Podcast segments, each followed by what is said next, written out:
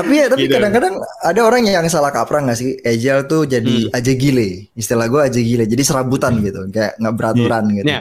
Ini tuh kita agile kita harus nyobain segala Iya. macem gitu Benar. nah Emang gimana no- sih menurut no- lu bentar, bentar, No bentar, bentar deh, bentar deh, deh, apa namanya? Agile itu tadi si Aji cepat ngomong cepet kan. Nah itu menurut gue udah salah Ji sebenarnya. Agile itu bukan cepet sebenarnya. Yang yang yang aneh itu ketika konteks agile dijadikan sebagai cepat, itu menurut gue udah statement yang sebenarnya itu salah. Karena agile itu Hmm. adalah sebenarnya adap- adaptif dari sebuah iterasi, lu akan ada feedback, lu akan adaptif dari hal itu gitu loh. Dan itu Ya, ya. jadi agile itu it- iteratif, masalah dari iteratif, bukan dari agile. Bukan agile itu cepat. Jadi bukan berarti sebuah task yang harusnya lu kerjain dalam setahun itu lu kerjain dalam waktu tiga bulan. Itu bukan agile. Oke. Jadi, ya mungkin mungkin gini.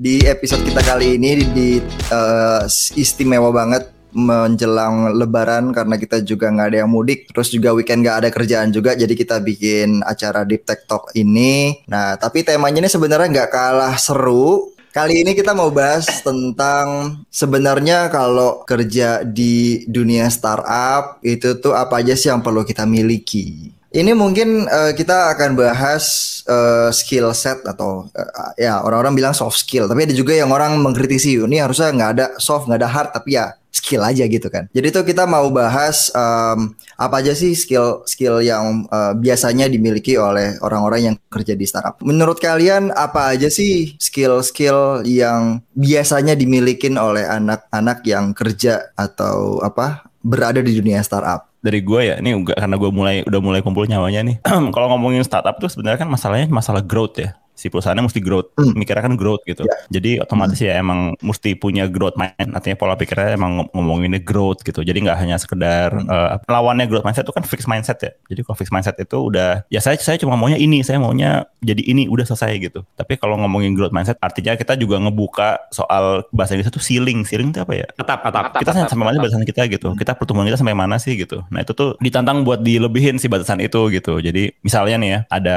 front end developer gitu. Mikirnya oh ya, saya mesti bisa react gini gini gini gini. Tapi ternyata pas di kantornya baru ketahuan bahwa masalah utamanya ya sebenarnya bukan bisa React atau enggak. Masalah justru si dengan skill React itu kita bisa ngasih value bisnis apa ke perusahaan. Selanjutnya misalnya kita mau komunikasi sama orang lain gimana ceritanya, gimana cara kita ngomong sama orang lain. Pun kalau ngomongin teknis hard skill ya, tadi kan soft skill, hard skill soal React-nya gitu misalnya. Kita bisa ngasih mecahin kasus-kasus di production yang non trivial gitu misalnya. Ini kan maksudnya ini hal-hal ini tuh ya kalau di startup kan setiap hari sebenarnya ada tantangan baru ya. Dan karena layernya bisa tipis kan antara atasan sama bawahan gitu. Jadi mau nggak mau orang yang emang kerja bukan sebagai atasan itu memang jadi punya akses ke informasi-informasi yang apa agak bisnis high level gitu. Dan itu mesti dipecahin sesuai dengan kapabilitas dia sebagai apa gitu. Misalnya sebagai desainer sebagai developer gitu. Gue sendiri ngeliatnya memang gr- growth mindset ini memang mesti ada gitu. Nggak hanya perusahaan yang berkembang tapi juga si orangnya pun juga mesti bisa berkembang. Berkembang sehingga si perusahaannya juga bisa ikutan dapat uh, value-nya gitu. Growth mindset tuh terkesan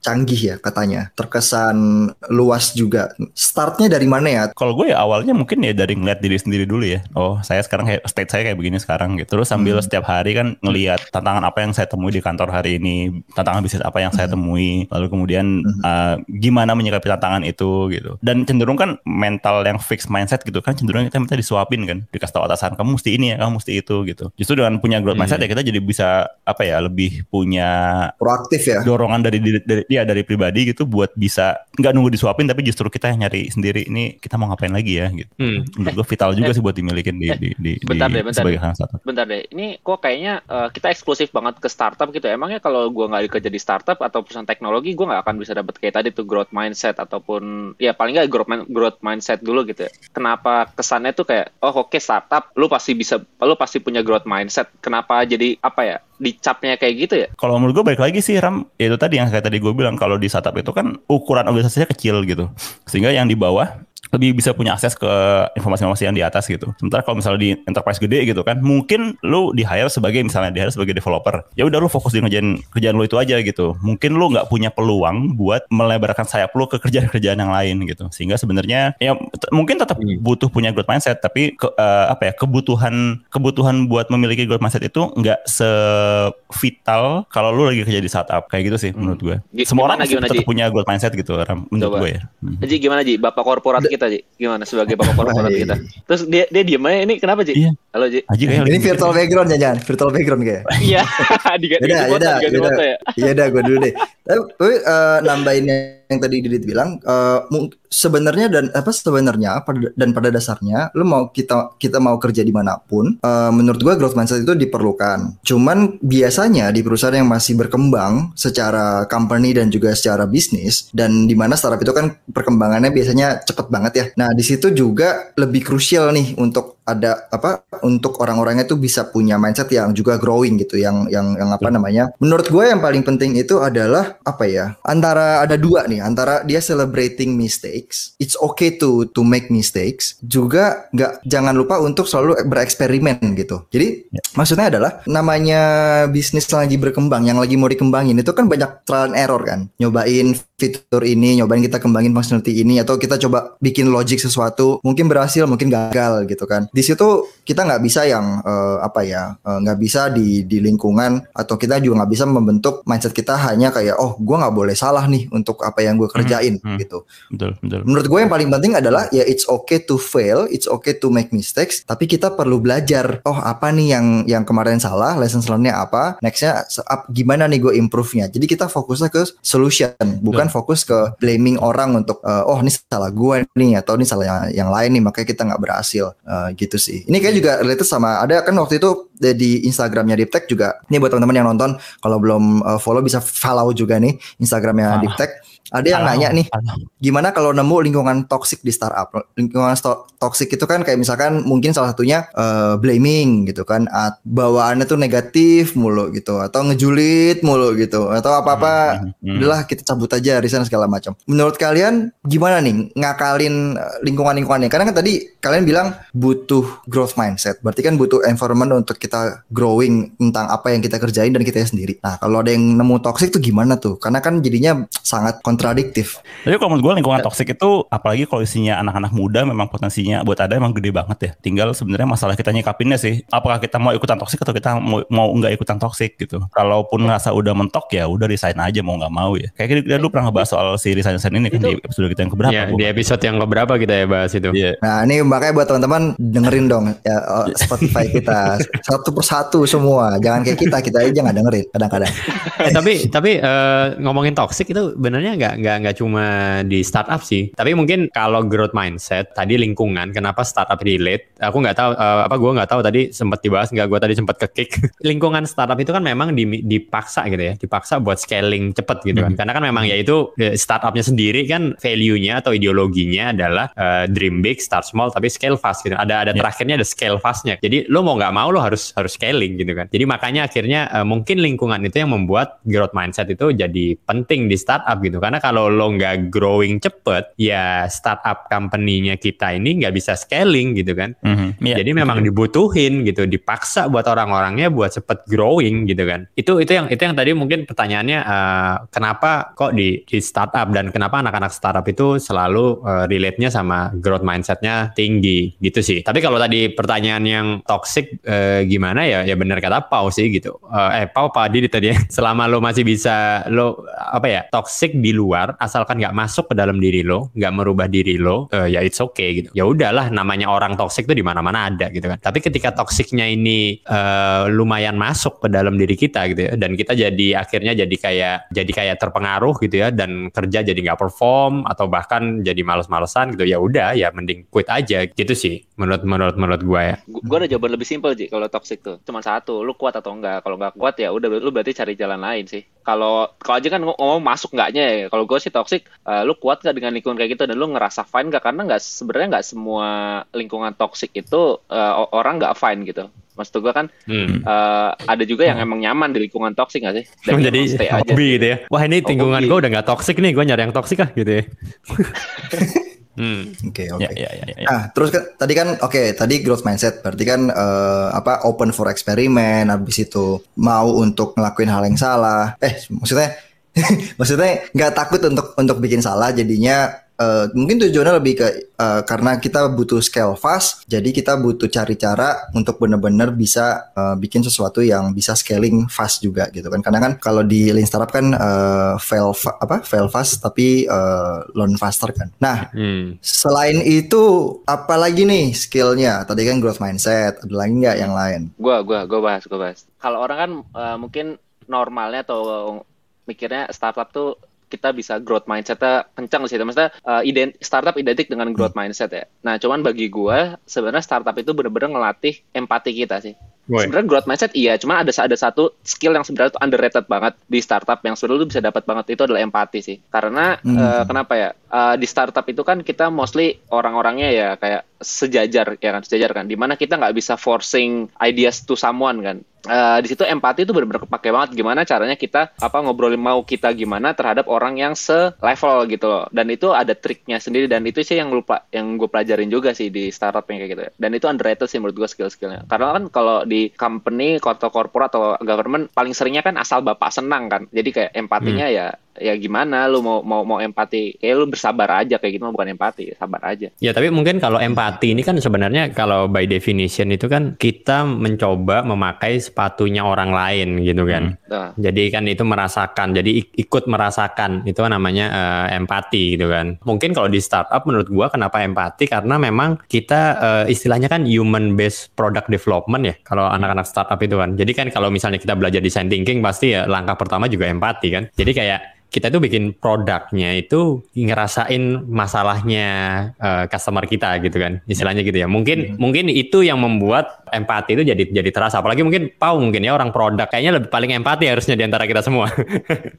Tapi eh, nggak nggak tahu. Ini ini ini bener nggak eh, statement gua tadi Pau? Menurut lo gara, apakah gara-gara Iya. itu jadi di anak-anak startup itu lebih empati? Sebenarnya kalau misalkan untuk jadi empati, menurut gue di mana pun role-nya di suatu perusahaan tech atau yang yang yang yang, yang serving ke customer itu perlu ada gitu. Jadi nggak harus eh, orang produk doang nih yang punya empati yang bagus gitu, atau hanya kerja di customer support gitu yang punya empati yang bagus. Menurut gue bahkan menjadi engineer pun juga perlu punya empati itu. Kenapa? Karena pada akhirnya kan kalian akan membuat sesuatu produk eh, menggunakan skill yang kalian punya, yaitu misalkan bisa programming, bisa pakai Golang atau bisa pakai apa yang lain, mungkin Fortran atau COBOL gitu kan. Misalnya kalian vintage ya orangnya.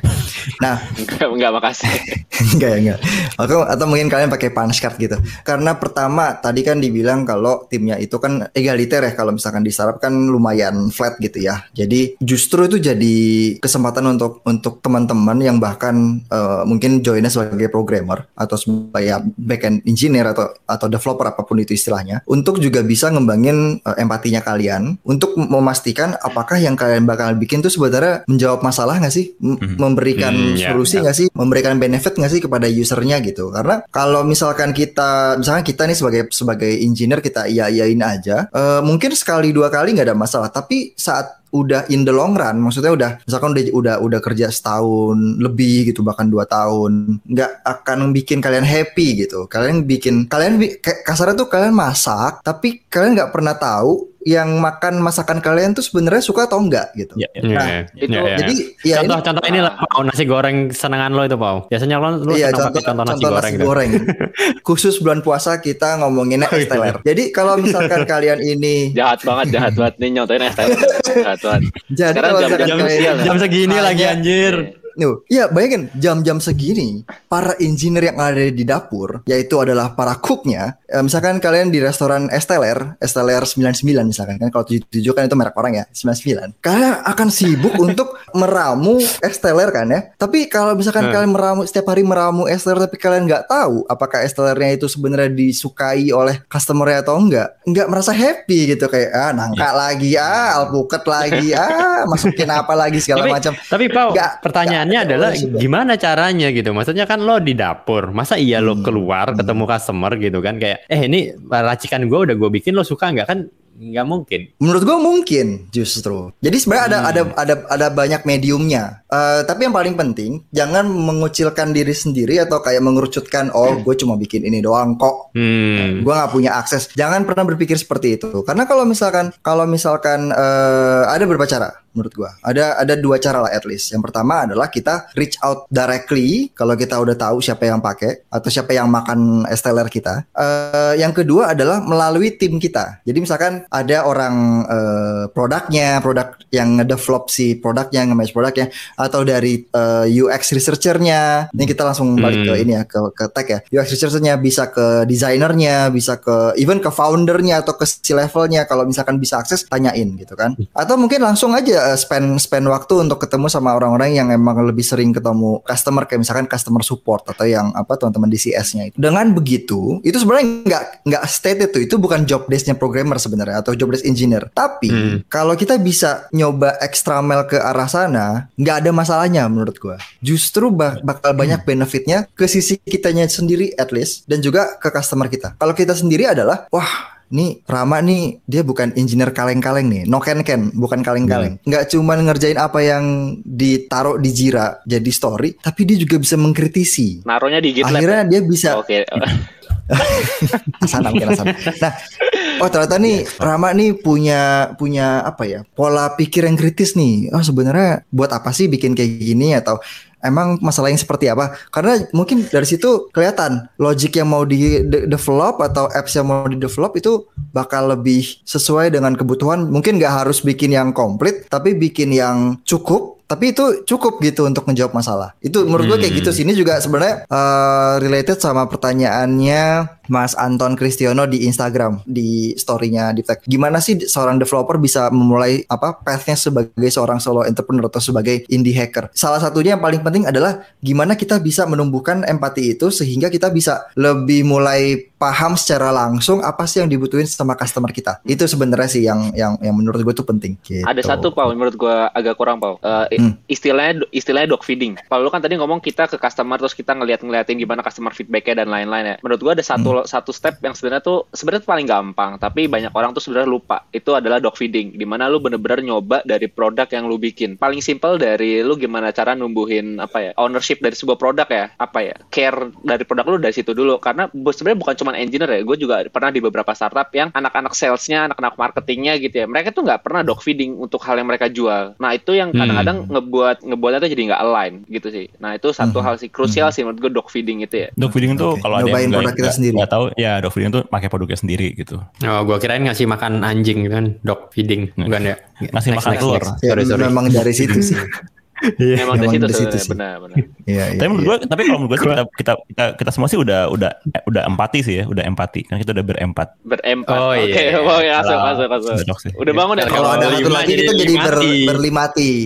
Oke, sip. Nah, abis itu skill apa lagi nih menurut kalian? Tadi kan udah ada growth mindset, abis itu empati. Yang ketiga kira-kira apa? Gua mungkin ngangkat dari sisi agility ya. Jadi agile kalau itu kan udah tipikal anak-anak startup lah ya dan sering mungkin udah jadi buzzword ya. Eh, jadi agile, jadi agile gitu kan. Ya ini ini kalau kalau dari gua agile itu kan adaptability ya. Jadi kemampuan untuk beradaptasi gitu kan. Jadi nggak ketika ketika ada apa-apa cepat berubah gitu kan dan eh, geraknya juga cepat gitu ya. Nggak nggak yang terlalu eh, rigid gitu. Jadi akhirnya susah buat dijalanin gitu kan. Bahkan kalau di startup aja eh, mungkin kita pakai OKR gitu ya, nggak pakai KPI gitu kan. Kalau di perusahaan-perusahaan yang OKADS ya? Lebih gede, ya, ya Pakai OKR kita.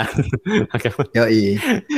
itu kan eh, itu salah satu bentuk ya mungkin agility ya. Apa supaya lebih gampang mencapainya gitu kan. Nggak kayak kalau KPI dulu kan kayak written in the, on the stone gitu ya. Kayak udah lo ini turun dari langit udah lo nggak perlu tahu ini kenapa gitu ya. Pokoknya ini target ya udah lo lakuin gitu kan. Kalau kalau dulu dan itu eh, setahun gitu ya. Atau kita bikin planning lima tahun. Tapi kalau di startup kan kita lebih lebih cepat. Tadi yang dibilang lebih agile. Jadi kayak eh, target-target pun datangnya dari bawah gitu kan. Kita ngobrol bareng. Jadi semua orang ya ngerti gitu kan kenapa kita punya target ini dan planningnya juga nggak yang panjang-panjang banget kan paling tiga bulan maksimal setahun gitu ya jarang banget gue di startup tahu planning lima tahun 10 tahun gitu kan kayaknya Udah bubar kayak udah Eh, bubar. udah udah bubar startupnya Tapi ya, tapi Gitu. kadang-kadang ada orang yang salah kaprah nggak sih? Agile tuh jadi Hmm. aja gile. Istilah gue aja gile. Jadi serabutan gitu, kayak nggak beraturan gitu. Ya, ini tuh kita agile, kita harus nyobain segala Iya. macem gitu. Benar. Nah, Emang gimana no- sih menurut no- lu? bentar, bentar, no bentar, plan. bentar deh, bentar deh, deh, apa namanya? Agile itu tadi si Aji cepat ngomong cepet kan. Nah itu menurut gue udah salah Ji sebenarnya. Agile itu bukan cepet sebenarnya. Yang yang yang aneh itu ketika konteks agile dijadikan sebagai cepat, itu menurut gue udah statement yang sebenarnya itu salah. Karena agile itu Hmm. adalah sebenarnya adap- adaptif dari sebuah iterasi, lu akan ada feedback, lu akan adaptif dari hal itu gitu loh. Dan itu Ya, ya. jadi agile itu it- iteratif, masalah dari iteratif, bukan dari agile. Bukan agile itu cepat. Jadi bukan berarti sebuah task yang harusnya lu kerjain dalam setahun itu lu kerjain dalam waktu tiga bulan. Itu bukan agile. Oke. Jadi, ya mungkin mungkin gini. ba- ba- ba- Jadi kalau Eh? kalau konteks yang tadi gua anggap cepet itu eh, dari konteks ininya sih kayak misalnya tadi kan bener ya, gue sepakat eh, adanya iterasi gitu kan. Cuma kalau dari dari eh, model yang dulu gitu ya, yang non agile itu ketika ada iterasi baliknya lama gitu ram, karena terlalu birokratis kan. Karena kan sebenarnya eh, agile itu justru apa muncul untuk supaya birokrasinya ini jadi lebih cepat prosesnya tadi gitu kan. Jadi kayak proses iterasinya cepat ketika ada masukan dari dari customer eh, di develop lagi habis itu bikin produk lagi di measure lagi gitu jadi cepet gitu kan maksud gua tadi cepetnya itu bukan berarti kalau yang artinya selesai dalam setahun kita selesaiin dalam satu bulan Nah, itu jangan itu. juga Cuman itu itu hackathon namanya. banyak- banyak banget hackathon kalau gitu. hackathon hackathon Nah, iya. ya, gue ngasih training soal Nah, agile ya. Gue gue sering Hmm. ngasih analogi agile itu tuh kayak Messi. Messi itu bukan pemain bola paling cepat, tapi dia paling lincah. Artinya Hmm. mungkin kalau seluruh adu lari dia bukan yang paling cepat, tapi kalau ada yang nekel dia bisa cepat ngindar gitu. Ini tuh bakal penuh ketidakpastian. Kita bakal dapat tantangan yang kita juga nggak menduga sebelumnya. Jadi ya begitu ada ya kita terima dan kita sikapi langsung gitu. Jadi alih-alih Ya. bikin rencana jangka panjang 10 tahun,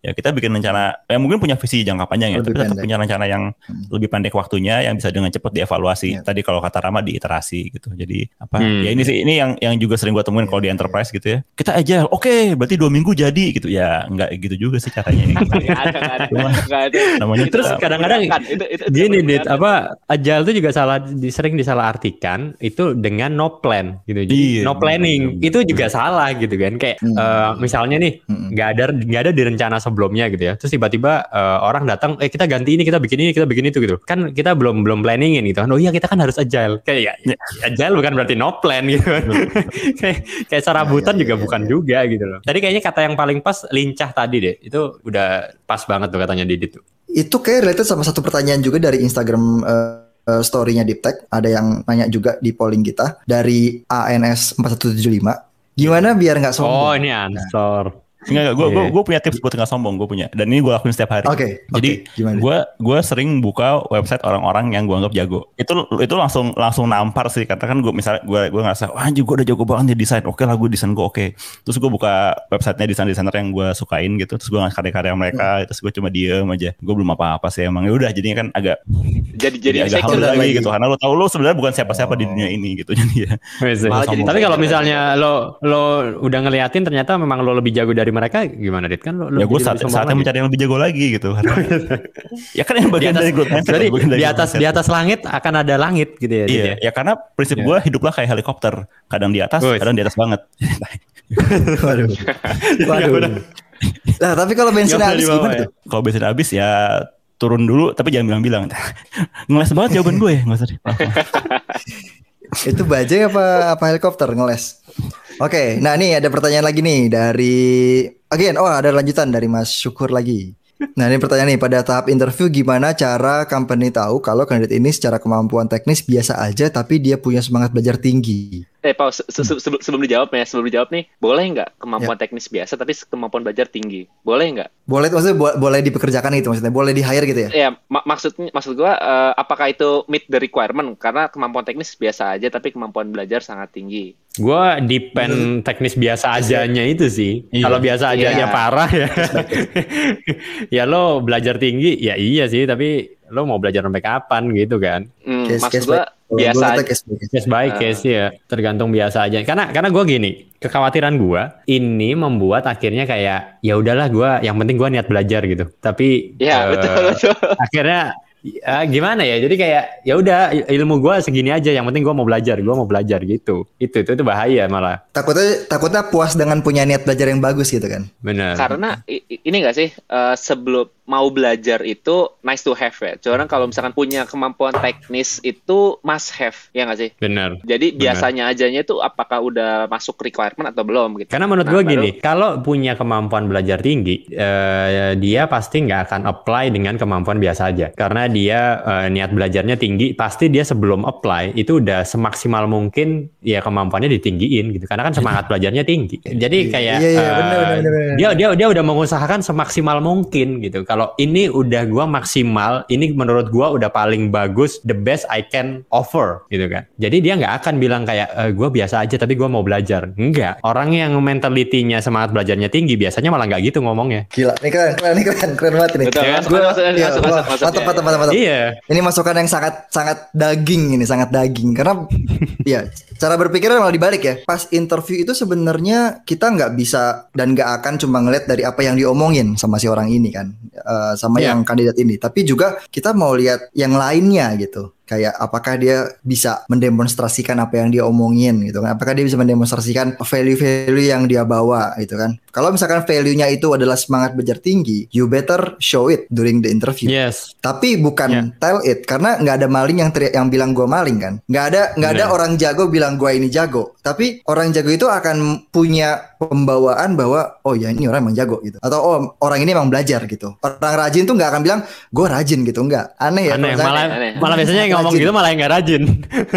Nah itu. Jadi mungkin eh, yang paling bernilai itu lebih karena ya kalau kita bisa me- eh, apa membawa diri kita dan membawa value itu tanpa harus diomongin dan kita bisa ditangkap sama si interviewernya itu justru jadi satu hal yang oke ini nilai plus. gue pernah ketemu interviewer enggak teman gue interview dia, cerita ke gue gitu. Dia bilang iya ada kandidat. Ngomong iya pak saya kan rajin belajar gitu. Terus dibales ya kalau gitu kamu sekolah aja jangan kerja gitu. Oh, ini, itu waduh, jawaban yang Itu menurut gue.